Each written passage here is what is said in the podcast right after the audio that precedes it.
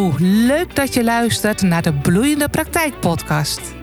Ik ben Ingrid Beersen en in deze podcast deel ik tips voor coaches en therapeuten die verlangen naar een succesvolle en bloeiende praktijk.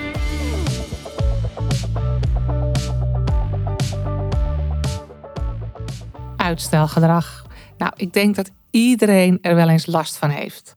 Alleen als je ondernemer bent en je hebt er regelmatig last van, dan kan het je wel gaan opbreken. Want het heeft natuurlijk met je persoonlijk leiderschap te maken, waar je als ondernemer echt je best voor moet doen om dat te gaan omarmen. In loondienst is er altijd iemand die tegen je zegt van eh, we hebben een overleg straks, heb je het al af of kom je erbij zitten? je agenda wordt gevuld of er is iemand die aan je vraagt hoe het met je gaat of die een opdracht geeft en waar je een bepaalde tijd iets af moet hebben. Als ondernemer moet je jezelf managen. Nou, we noemen dat dus ook wel eens persoonlijk of zakelijk leiderschap. En dan mag je natuurlijk in gaan groeien. Dus het feit dat je deze podcastaflevering luistert, omdat jij misschien voor jezelf al zoiets hebt van ja, ik heb wel last van uitstelgedrag en ik merk het in mijn ondernemerschap dat het gaat opbreken of dat ik er last van heb of dat ik daardoor lang niet zo snel ga als dat ik het zou willen, dan denk ik al dat je op een uh, heel goed punt zit omdat je er dan wat aan wilt gaan doen. Want dat kan natuurlijk. Ik ga niet zeggen dat je dat voor 100% weg gaat krijgen, want het, eh, ja, het zit natuurlijk een beetje in natuurlijke wijze in ons. Maar het is wel belangrijk dat je het een heel stuk gaat verminderen.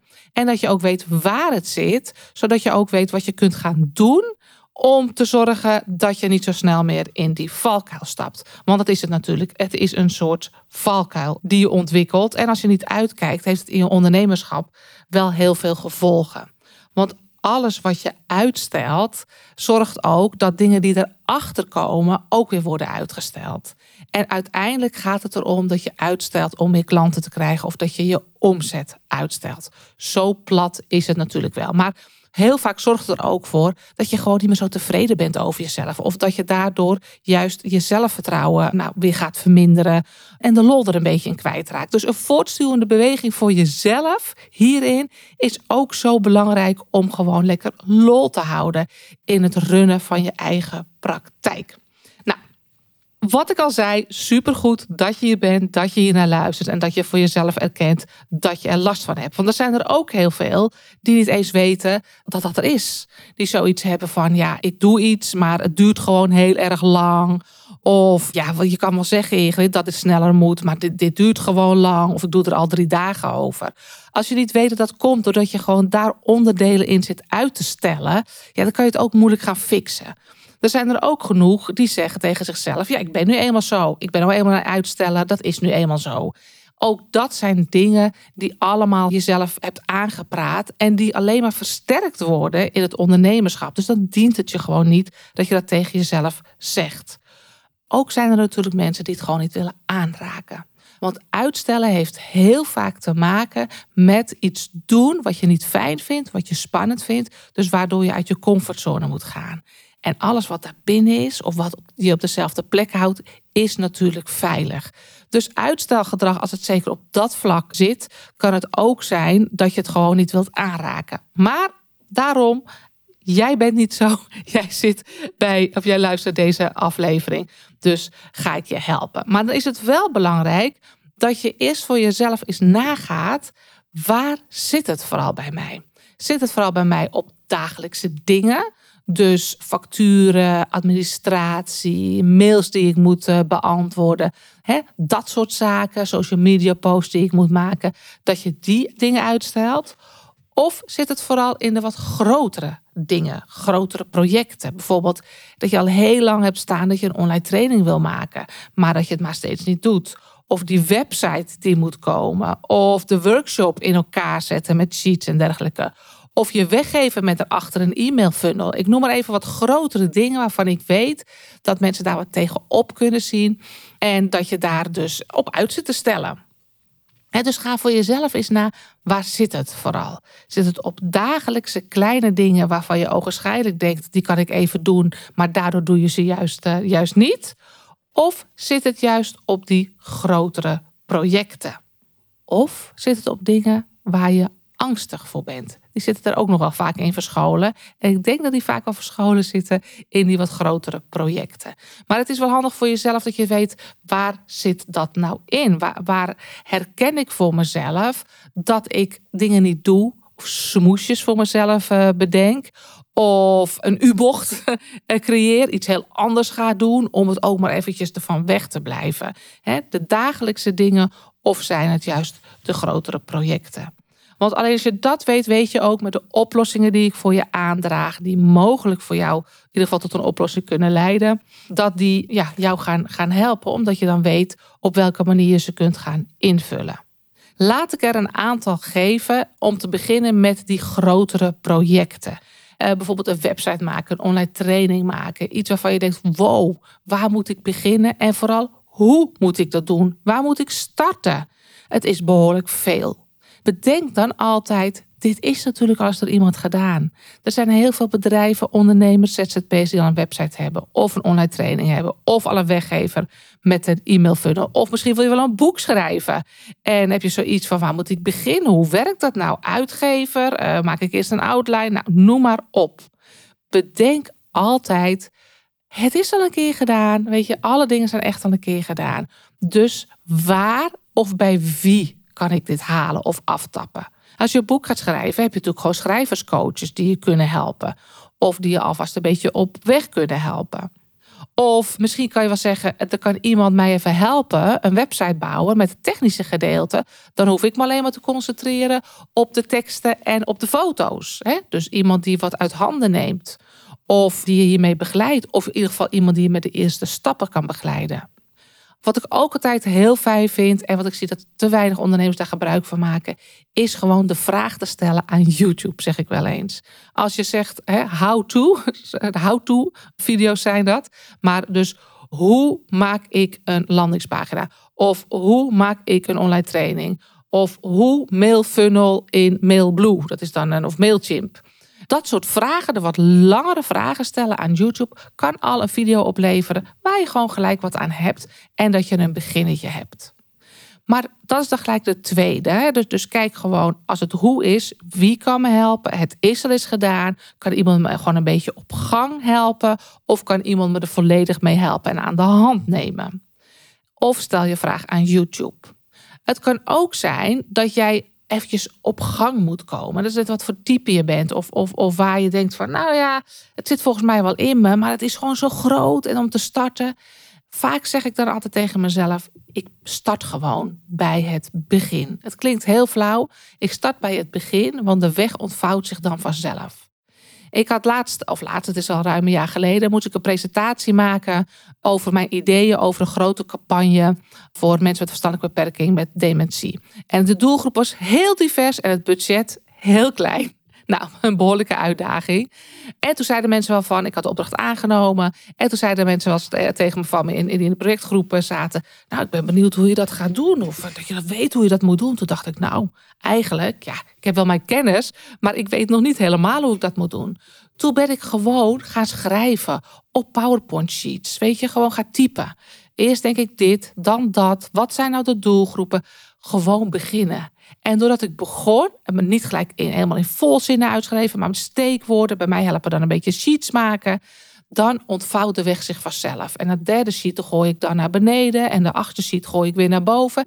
En opeens staat het er. Staat in ieder geval het geraamte. En kon ik daar aan de hand van het geraamte kon ik de stappen gaan maken. Dus begin soms ook met de eerste stap van wat je wel weet. Een ander ding wat ook kan spelen, wat ik heel vaak zie, dat is vooral meer met de dagelijkse dingetjes die je misschien niet van de grond krijgt, is afleiding. We hebben ontzettend veel afleiding. Je weet namelijk, je moet social media posts maken, nog wat mails beantwoorden, liggen nog facturen, je hebt nog wat kleine aantekeningetjes die je nog moet, moet doen, nog een vraag van iemand, misschien zit er tussendoor nog iets van, van privé wat je nog eventjes moest doen. Als het juist heel veel kleine dingetjes zijn, zijn er ook heel veel afleidingsmomenten. Want ga je iets posten op social media, kan je zomaar weer een half uur alle, allerlei andere posts gaan, uh, gaan lezen. Dus probeer dan ten eerste je prikkels te reduceren.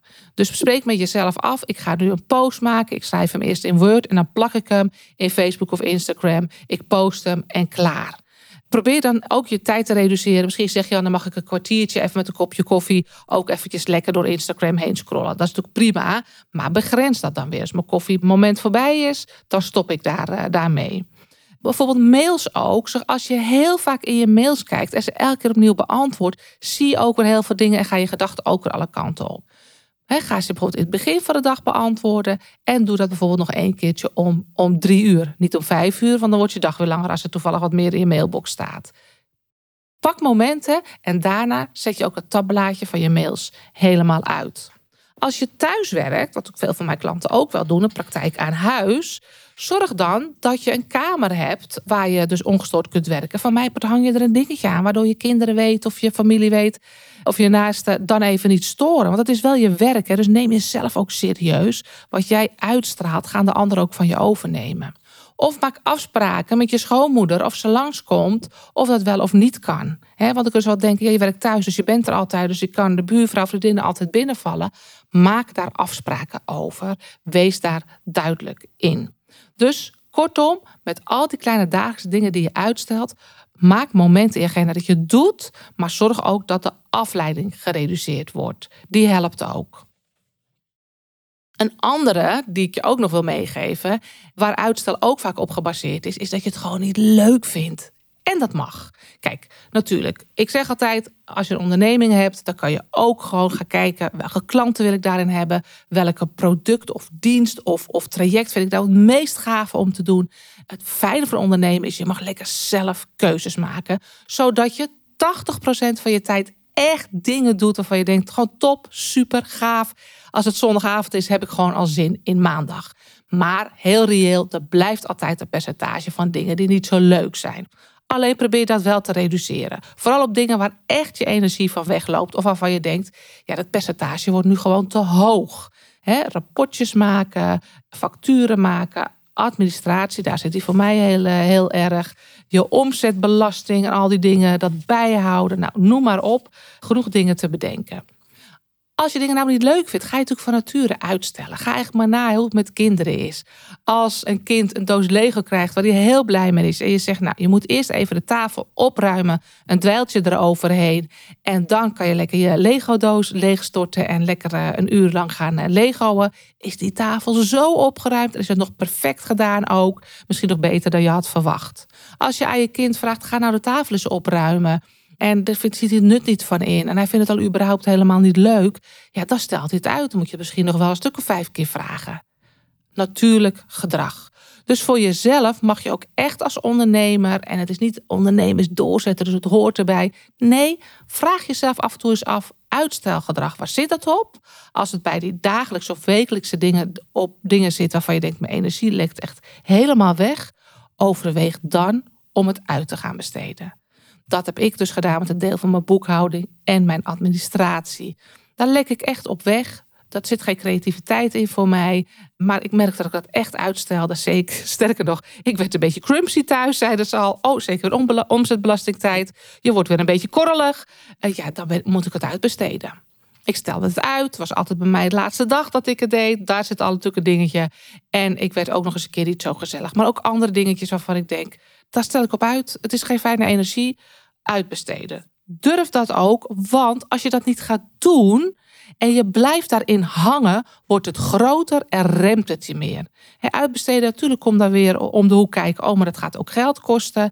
Nou, het hoeft eigenlijk soms helemaal niet zoveel geld te kosten. Maar dan gaat er tijd naar de dingen toe waar jij het meest waardevol in bent.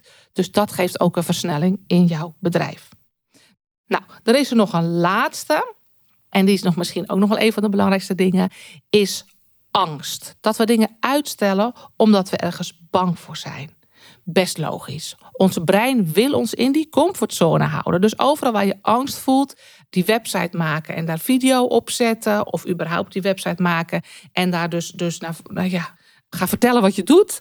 Die online training maken, doe ik het wel goed? Is het wel waardevol genoeg? Allemaal dat soort dingen kunnen ook heel dominant zijn. De stemmetjes Waardoor uitstelgedrag eigenlijk een symptoom is. Maar de oorzaak zit in angst. Zit in gebrek aan zelfvertrouwen. In misschien het geloof dat je het misschien niet goed gaat doen. Of dat het misschien niet gaat werken. Of niet voor jou gaat werken. En dat is er natuurlijk. Dat, dat, dat, is, dat is logisch. Maar onthoud dat je dan zegt tegen jezelf en goed weet dat het je brein is die je op dat moment stuurt om je in veiligheid te brengen. In die veilige comfortzone te houden. Jouw ego niet te krenken. Daar is het mee bezig. Maar daar groei je niet van als ondernemer. Dus je kunt tegen jezelf zeggen: dat stemmetje, dankjewel, het dient me nu niet, ik zet je uit. Ik zet je achter in de bus, zoals dat ook nog wel eens wordt genoemd. Maar ik probeer nu die andere stem die me laat zien wat het me kan gaan brengen. Wat het voor mijn klanten gaat doen. Wat het voor mijn bedrijf en mijn omzet gaat doen. Die breng ik nu naar voren. Daar luister ik naar. Die zet ik voor in de bus. Want dat is het, hè? Als jij echt weer eventjes helemaal gaat connecten met je intentie. Waarom doe je de dingen die je doet? Waarom vind je het zo gaaf dat je een eigen praktijk hebt?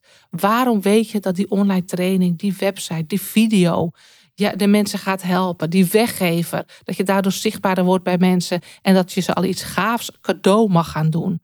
Die intentie, daar mag je naar gaan luisteren. Hoeft het niet perfect te zijn, maar het is natuurlijk al super als je dat kunt bijdragen in de wereld. Ga daar dan eens van uit.